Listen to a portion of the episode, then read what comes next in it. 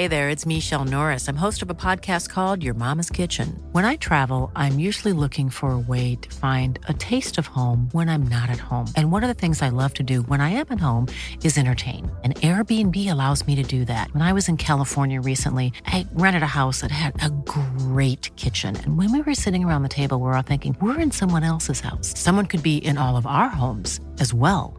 If you have a home, but you're not always at home, you have an Airbnb. Your home might be worth more than you think. Find out how much at airbnb.com/slash host. I'm Sandra, and I'm just the professional your small business was looking for. But you didn't hire me because you didn't use LinkedIn jobs. LinkedIn has professionals you can't find anywhere else, including those who aren't actively looking for a new job, but might be open to the perfect role, like me. In a given month, over 70% of LinkedIn users don't visit other leading job sites. So if you're not looking on LinkedIn, you'll miss out on great candidates like Sandra. Start hiring professionals like a professional. Post your free job on linkedin.com/people today. There's never been a faster or easier way to start your weight loss journey than with PlushCare. PlushCare accepts most insurance plans and gives you online access to board-certified physicians who can prescribe FDA-approved weight loss medications like Wigovi and Zepbound for those who qualify. Take charge of your health and speak with a board-certified physician about a weight loss plan that's right for you. Get started today at plushcare.com slash weight loss. That's plushcare.com slash weight loss. plushcare.com slash weight loss.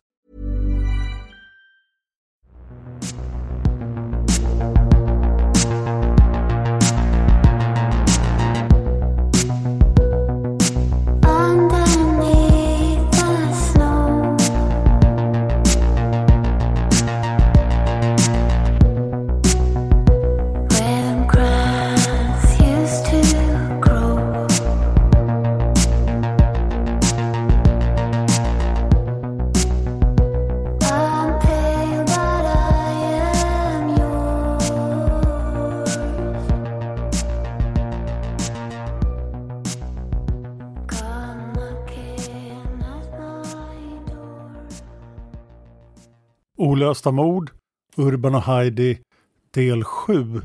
Det här avsnittet är skrivet av Sofie Karlsson. Klippning har gjorts av Eva Martinsson och jag heter Dan Hörning. Det här är en podd som bara ställer frågor och aldrig ger några svar. Vad tror du själv? Kontakta oss gärna med dina teorier om fallen som vi tar upp. Kontaktinformationen finns i avsnittstexten i din poddapp och i slutet av avsnittet. Det är en vecka kvar nu till Olösta mord 2.0 och den sista delen i den här serien. Så nästa torsdag händer det saker. I förra avsnittet berättade jag mer om den bevisning som åklagarsidan presenterade under rättegången mot David Tommy Harry. David är åtalad för att ha mördat Urban Höglin och Heidi Pakkonen. Parets kroppar har ännu inte hittats. Vi lämnade rättegången i förra avsnittet efter att David hade satt sig i vittnesbåset och förklarat för åklagare Morris att han aldrig hade gett några förslag på platser där Urban och Heidi kunde ha vandrat vilse. Eftersom, enligt hans uppfattning, hade polisen helt snöat in sig på att det var han som var mördaren. Åklagare Morris riktar nu in sig på Davids uppgift om att han hade lagt ett finger på Urbans och Heidis Subaru. Jag nämnde det här i del 4. Syftet med fingerpåläggningen var att kontrollera om avgasröret var varmt eller kallt. Här kommer delar av rättegången i förhörsform. Morris, sa du till polisen att du hade lagt ett finger på avgasröret? David, ja det gjorde jag. Morris, det står inte i vittnesrapporten, eller hur? David, alltså jag ansvarar inte för vad de skriver ner. Morris, det står inte i vittnesrapporten, eller hur? David, nej det gör det inte. Morris, det här är en vittnesrapport från ett förhör med dig, eller? David, ja det stämmer. Morris, polismannen ställde frågor och han skrev ner dina svar, stämmer det? David, alltså nej. Inte varje fråga och svar som ställdes, nej. Morris, så nu påstår du att det här inte är en fullständig rapport från ditt vittnesmål? David, nej faktiskt inte, det, är- det är det inte. Det är inte en fullständig rapport över allt som har sagt. Det är en helt okej summering av det som sades, men det sades väldigt mycket som inte är nedskrivet där. Rättegången mot David pågår under drygt två månader. Åklagarsidan menar sammanfattningsvis att David ska ha stött på Urban Heidi i vildmarken i närheten av Crosbys clearing vid Tararo Creek Road. David ska ha lurat paret att bli deras guide. Han ska sedan ha slagit Urban med en trästock och bundit fast honom vid ett träd. Om han nu gjorde det här ensam eller med vänner verkar åklagarsidan inte lägga särskilt stor vikt vid. David ska enligt åklagarna ha våldtagit både Heidi och Urban. Han ska sedan ha mördat Urban och gjort sig av med hans kropp, kanske till havs. Kanske genom att stycka den, beroende på om han trodde på vittne A eller vittne C. Han ska ha hållit Heidi vid liv i två till tre dagar innan han ströp henne till döds. Han ska slutligen ha dumpat Heidis kropp till havs eller styckat den. I december 1990 faller domen. Juryn anser att David är skyldig till att ha mördat Urban och Heidi. Han döms till livstidsfängelse med chans till frigivning efter tidigast tio år. Och här skulle den här historien ha kunnat sluta. Men det gör den inte eftersom jag poddar om det här fallet i en podd som heter Olösta mord. Det går ungefär tio månader. Det blir torsdagen den 10 oktober 1991. När klockan slår 21.16 ringer en man från staden Wangamata larmnumret på Nya Zeeland som är 111. Mannen berättar att hans son hittat en död människa uppe i Paracay Valley när han var ute på vildsvinsjakt. Paracay Valley ligger cirka 70 kilometer från Tararo Creek Road. Det var ju på Tararo Creek Road som Urbans Heidi Subaru stod parkerad söndagen den 9 april 1989. Paracay Valley ligger ytterligare 70 kilometer, alltså cirka 140 kilometer från Auckland. Larmoperatören kontaktar den lokala polisen i Vangamata. En kvart senare sitter en polisman som eh, lustigt nog heter Jury tillsammans med den inringade mannens son i bilen på väg mot Parakey Valley. Sonen som hade varit ute med en kompis och jagat vildsvin leder polisen Jury till platsen där han såg den döda människokroppen. Kroppen ligger nästan 40 meter ut i skogen från en gångstig. Platsen är väl täckt av olika växter som till exempel eukalyptus. Polisman Jury noterar att det nästan bara är skelettdelar kvar av kroppen. Han noterar också att kroppen har på sig röda kalsonger, mörkblå jeans som märket Lee och en svart t-shirt. Klockan 23.15 anländer polis från Thames. Dagen därpå, fredagen den 11 oktober 91, samlas en stor styrka poliser, rättstekniker och rättsläkare på fyndplatsen. Rättstekniker fastslår att kroppen inte har varit nedgrävd. Den har bara lämnats på marken. Den har delvis sjunkit ner i marken i takt med att den har brutits ner. Rättsläkaren bedömer att kroppen kan ha legat på fyndplatsen så länge som fem år. Det finns inga skallskador. På den vänstra handleden sitter en pulsarklocka. Nu kanske du reagerar, för Urban Höglin hade ju en pulsarklocka. En klocka som dessutom åklagarsidan under rättegången påstått att David först hade gett till sin äldste son John och sedan gjort sig av med. Pulsarklockan på kroppens vänstra handled har stannat lördagen den 15 klockan 07 There's never been a faster or easier way to start your weight loss journey than with PlushCare. PlushCare accepts most insurance plans and gives you online access to board-certified physicians who can prescribe FDA-approved weight loss medications like Wigovi and Zepbound for those who qualify. Take charge of your health and speak with a board-certified physician about a weight loss plan that's right for you. Get started today at plushcare.com slash weight loss. That's plushcare.com slash weight loss. plushcare.com slash weight loss. If you're looking for plump lips that last, you need to know about Juvederm lip fillers. With Juvederm Volbella XC and Juvederm Ultra XC, your lip look, whether it's subtle or bold, can last up to one full year with optimal treatment and no additional maintenance. Find a licensed specialist and see if it's right for you at juvederm.com today. That's J U V E D E R M.com. Add fullness to lips in adults over 21 with Juvederm Volbella XC or Juvederm Ultra XC. Do not use if you have severe allergies or a history of severe allergic reactions, or if you're you're allergic to lidocaine or the proteins used in Juvederm. Tell your doctor if you have a history of scarring or taking medicines that decrease the body's immune response or that can prolong bleeding. Common side effects include injection site redness, swelling, pain, tenderness, firmness, lumps, bumps, bruising, discoloration, or itching. As with all fillers, there's a rare risk of unintentional injection into a blood vessel, which can cause vision abnormalities, blindness, stroke, temporary scabs, or scarring. For full important safety information, visit juvederm.com.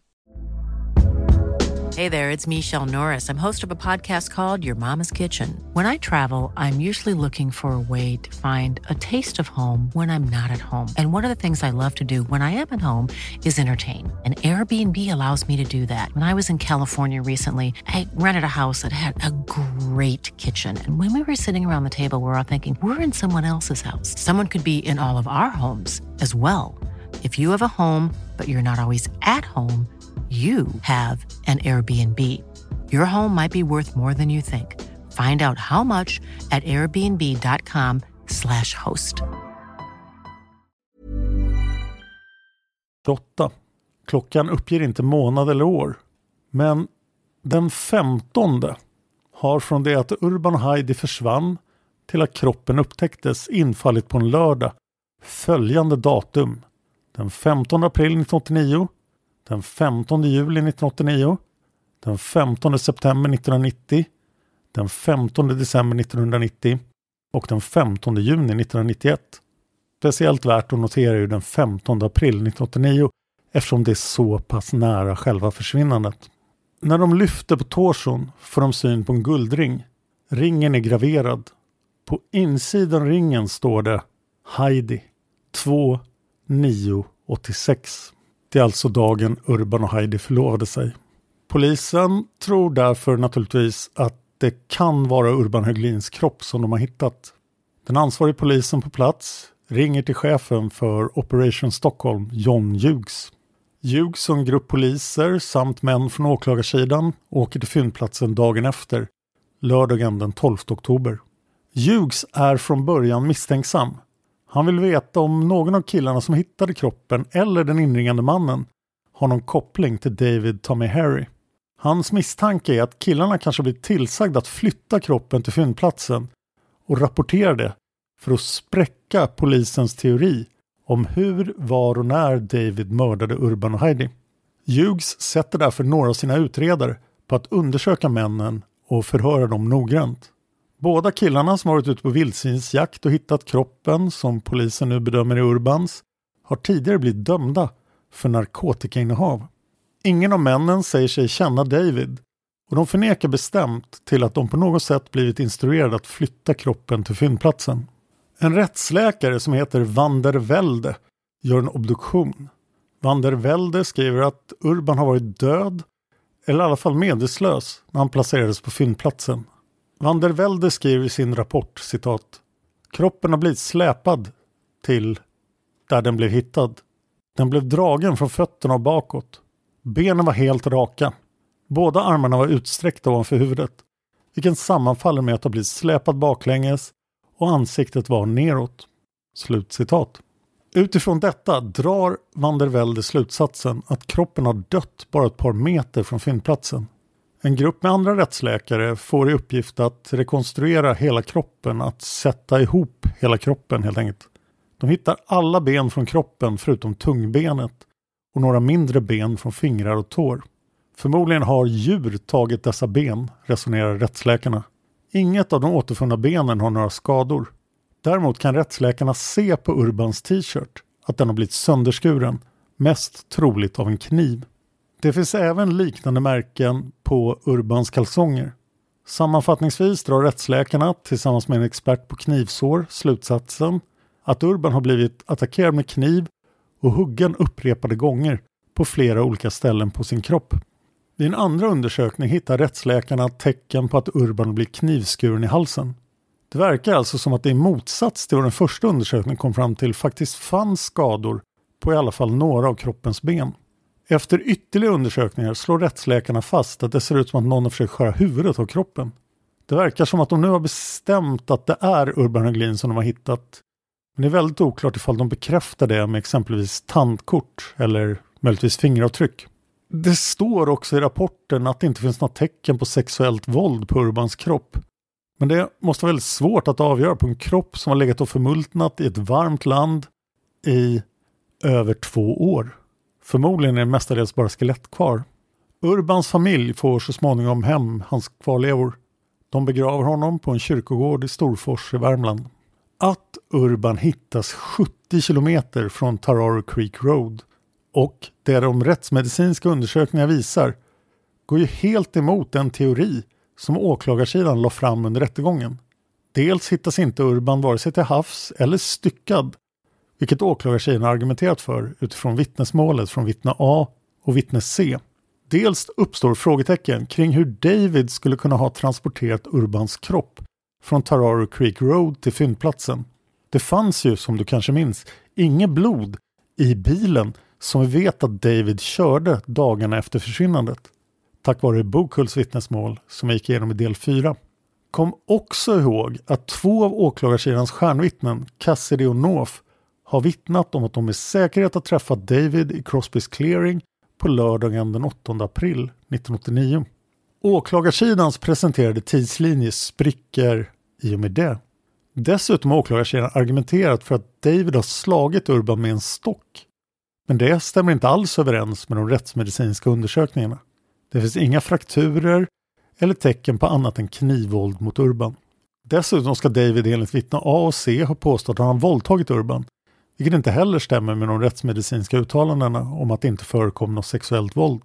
Davids försvarsadvokater ser nu en öppning och ansöker om resning utifrån den nya bevisningen. Åklagarsidan argumenterar att de aldrig sa att det var just vid Crosbys clearing som David mördade Urban och Heidi. De säger också att David kan ha transporterat kropparna i bilen även om ingen hittar något blod i bilen. De säger också att det är möjligt att David körde paret till Paracay Valley och sen mördade Urban där. Att Urbans kropp saknar spår av sexuellt våld verkar åklagarsidan inte vilja kommentera alls. David kan sedan enligt åklagarna ha kört tillbaka Heidi till Crosbys clearing och där träffat Cassidy och North. Davids resningsansökan får avslag i maj 1992. De som tog beslut om avslag menar att åklagarsidan har presenterat överväldigande stark indiciebevisning som fortfarande håller bortom allt rimligt tvivel. Davids familj och försvarsadvokater blir inte alls glada över det här. Försvarsadvokaterna betalar ur egen ficka för att presentera fallet för The Judicial Committee of the Privy Council i Storbritannien. Det här är den högsta instansen man kan överklaga till när man är dömd för brott i länder som står under det brittiska rättssystemet och det gör Nya Zeeland. The Judicial Committee of the Privy Council nekar en ny prövning av Davids fall 1994. Det går ungefär ett år efter att David fick avslag på resningsansökan hos The Judicial Committee of the Privy Council i Storbritannien. John Tommy Harry var en av Davids bröder som vi nämnt tidigare och i augusti 1995 ringer det hans telefon. John är inte alls som hans bror. Han är 1995 en respekterad och högt uppsatt politiker i Nya Zeeland. Det är ett av de anonyma vittnena som ringer till John. Det är vittne C. Han som avtjänar ett livstidsstraff för ett dubbelmord när han vittnade under rättegång mot David. Vittne C berättar för John att han vill ta tillbaka sitt vittnesmål mot David. Enligt vittne C ska polisen ha pressat honom och sagt åt honom vad han skulle säga under rättegången.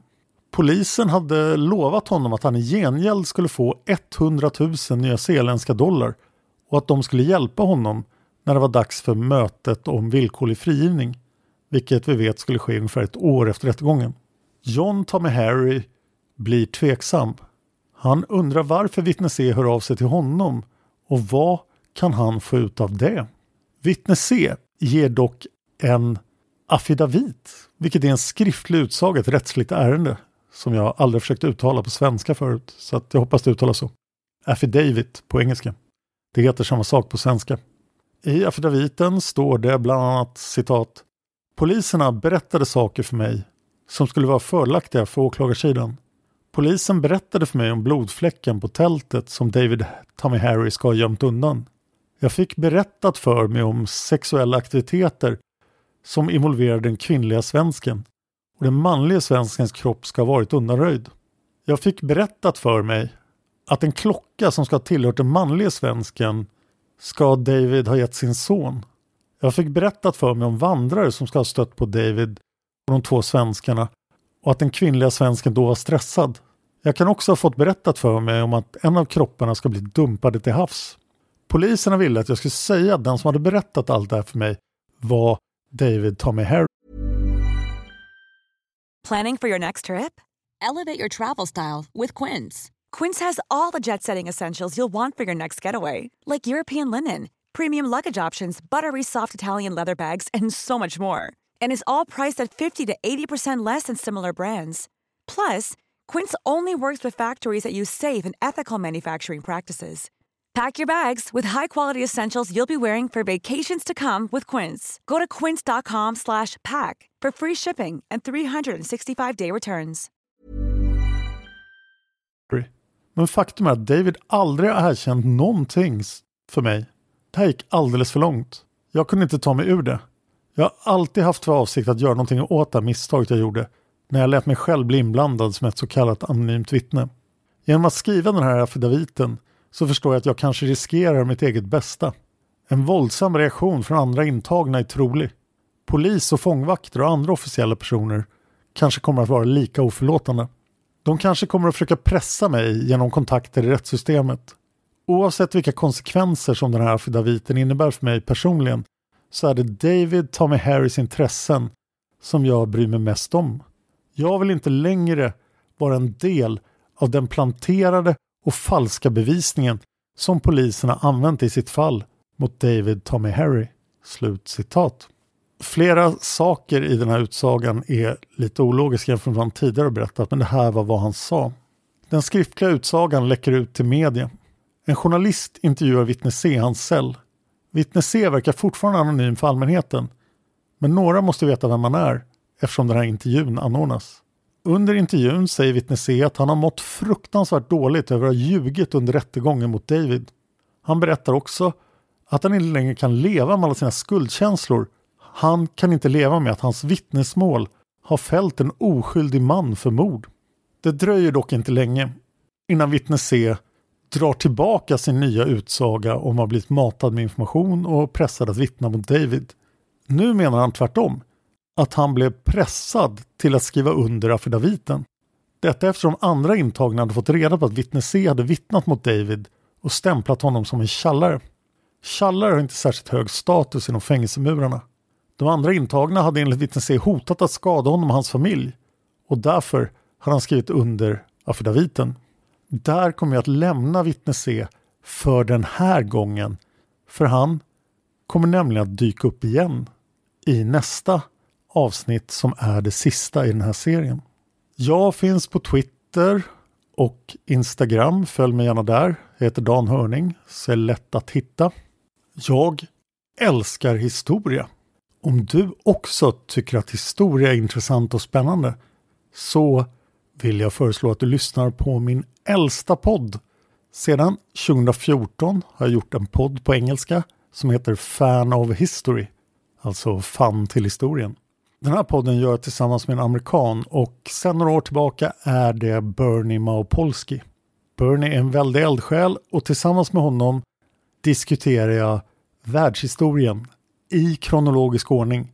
Det började på år 1000 före vår tideräkning 2014 och nu är vi framme vid 580-talet före vår tideräkning. Det är alltså strax innan romarna och grekerna kommit in i historien. Det är mycket gammaltestamentligt. Det handlar om Assyriska imperiet till stor del. Vi har täckt hela det neoassyriska imperiet. Och det är lätt min mest våldsamma podd. Där ett avsnitt som heter Lord of Massacres bland annat har med en kille som tapetserar en hel stadsmur med människohud. Du hittar Fan of History där du hittar olösta mord. Den ska finnas på alla poddappar. Tack till Sofie Karlsson som har skrivit det här manuset. Tack till Eva Martinsson för klippningen. Tack till Tripnaha för låten Immune som ni hör i början och slutet av varje avsnitt. Immune finns på Youtube och Spotify. Immune av Tripnaha. Nästa vecka tar vi farväl av Olösta mord 1. För då är det dags för Olösta mord 2.0. Vi hörs på torsdag.